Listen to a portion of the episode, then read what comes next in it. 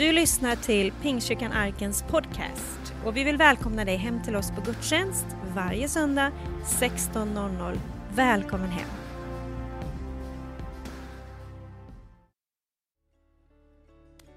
Vill du bygga mig ett hus?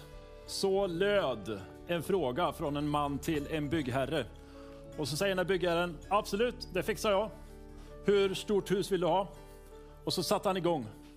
Och, men du vet, han grejade och han fixade och han fixade och han donade och fuskade så att det skulle bli klart så fort som möjligt. Och så kom han tillbaka till den första mannen och sa, nu är huset klart. Oj, vad fort det gick, sa han då.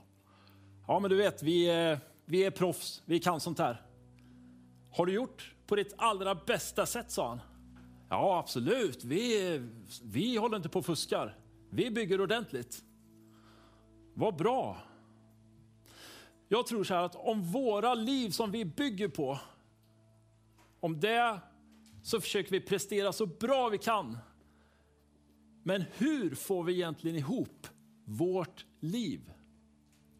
Du ska få ett bibelord ifrån evangeliet enligt Lukas kapitel 14. Det står så här.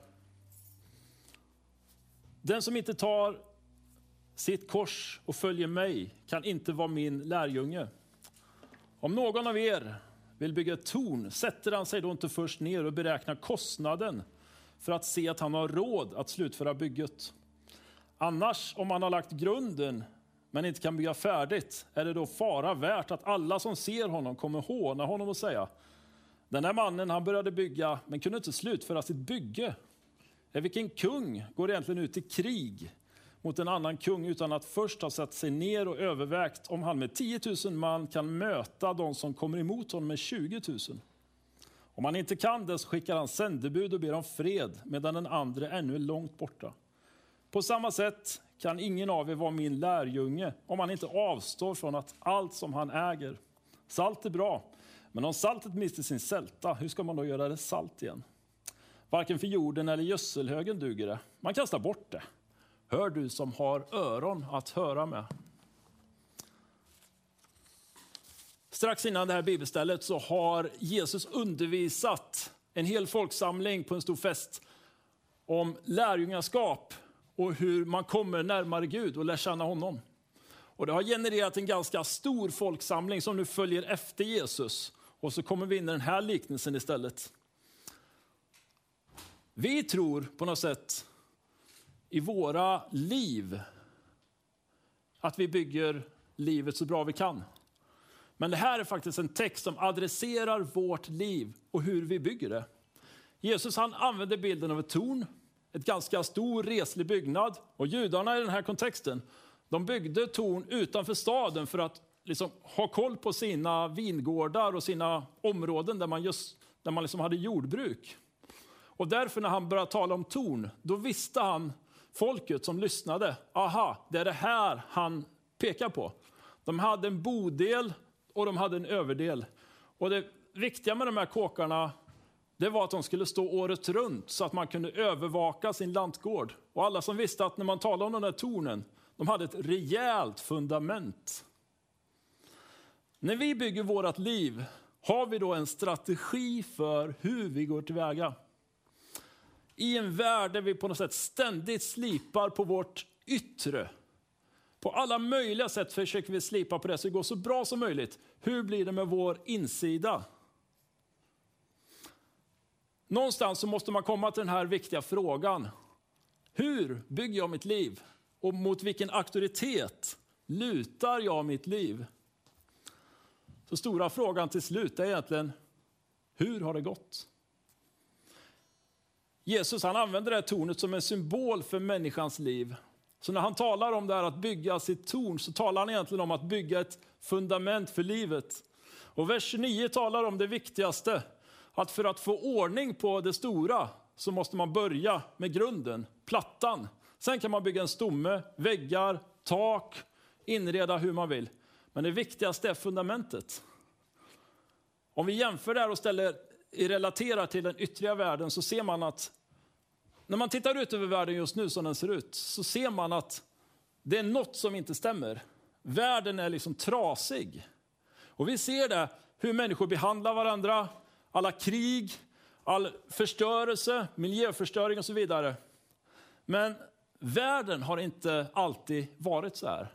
Bibeln berättar att Gud skapade världen och att den var god och att det fanns ett syfte med hur den var. Han säger att Gud hade en god plan med den. Och Gud skapade människan för att kunna leva i harmoni med Gud och med andra människor. Men Bibeln säger också att handlingar som har på något sätt skurit gemenskapen mellan oss och Gud och med oss andra människor, det är det som Bibeln kallar för synd.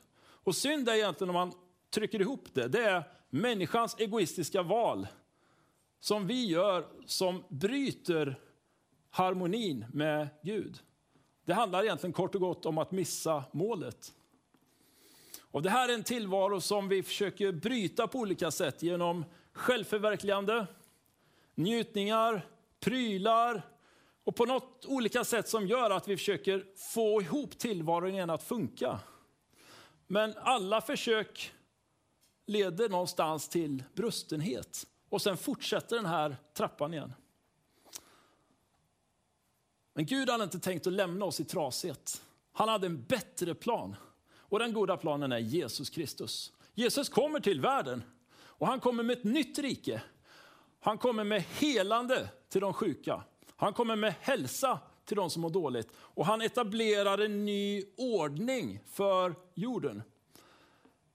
Men eftersom Jesus var syndfri, sänd av Gud, så kunde han ta på sig människans brustenhet. Han gör det och han går till ett kors, tar på synd på sig, dör för människans skull, begravs med synd. Men eftersom Jesus var syndfri så kunde inte döden hålla fast honom utan han triumferar över döden. Han har uppstått igen och han lever idag. Hur ska man då göra för att på något sätt connecta med Gud igen och komma tillbaka till grundtanken? Bibeln säger två saker. Vi behöver vända om. Vi behöver lämna vårt gamla liv. Och det andra, vi behöver säga vårt ja till Jesus. Vi behöver liksom göra honom till vår Herre och vi behöver låta döpa oss. Då säger Bibeln att det sker en transformation inuti oss. Och så är vi tillbaka i Guds goda plan igen. Då sänder han oss ut som lärjungar till den världen som vi bor i. Gud gjorde Jesus till kung och han har öppnat vägen för oss till honom. Min klasskompis brukar resonera så här, varför omvändelse för? Är inte typ alla religioner likadant ungefär? Och då har jag tänkt, tänk om jag skulle gå ner till det här HVB-hemmet där jag jobbar ibland och träffa de här invandrarkidsen och säga, vet du vad? Din religion och din religion, det är samma sak. Har ni inte tänkt på det? Då skulle de förmodligen säga att det där är en förolämpning. Äh, du har ingen aning om vad du talar om. Eller att jag skulle säga att pizza och glass, det är samma sak.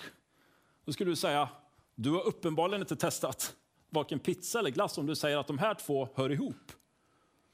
Men mycket av religion är mänskliga påfund, konstruktioner som vi har skapat för att all den vad ska man säga, bristen som vi har i vårt liv, all den skuld och skam, all den ångest som vi liksom herbergerat, hur ska vi få utlopp för den? Då har människan skapat system för att pysa någonstans. Vi är så livrädda för misslyckande. Vi är så rädda för att vi ska krascha våra liv och hur andra ska tycka och tänka om oss. Vi saknar vissa bitar i livet och vi vet om det också. Något som känns ihåligt på insidan. Vi kan inte riktigt placera vad det är, men det leder till massa processande och testande av religioner, alla möjliga påhitt för att försöka få ihop livet Någonstans kanske vi tror att det är Gud som vi söker. Vi söker i alla fall definitivt efter mening. Tillvaron ska få ordning.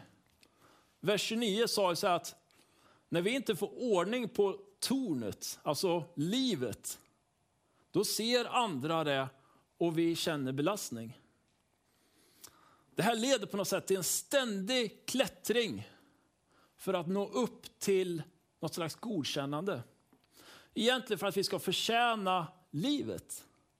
För det människan verkar söka efter totalt, det är liv. Att få ordning på saker och ting. Så vi tror att om vi uppnår en viss kapacitet, då förtjänar vi Guds godkännande. Men vet du vad? Den guden som kräver människans ständiga klättrande och processande är egentligen inte värd vår tillbedjan. Så därför kvalificerar inte Jesus som en konstruktion. För Jesus, han kom inte för att berätta om våra långa vägar upp till Gud. Jesus kom att visa vad Gud var tvungen att göra för att nå relation med oss.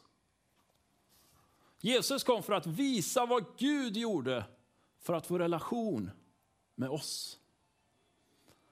Ja, min klasskompis sa, men du vet, jag kan köpa det där med Gud, det, det låter okej, okay. men Jesus, ja, du förstår. Gud, det är det epitetet som vi använder ibland, mänskligt sett, för att berätta om människans processande för att nå upp till honom.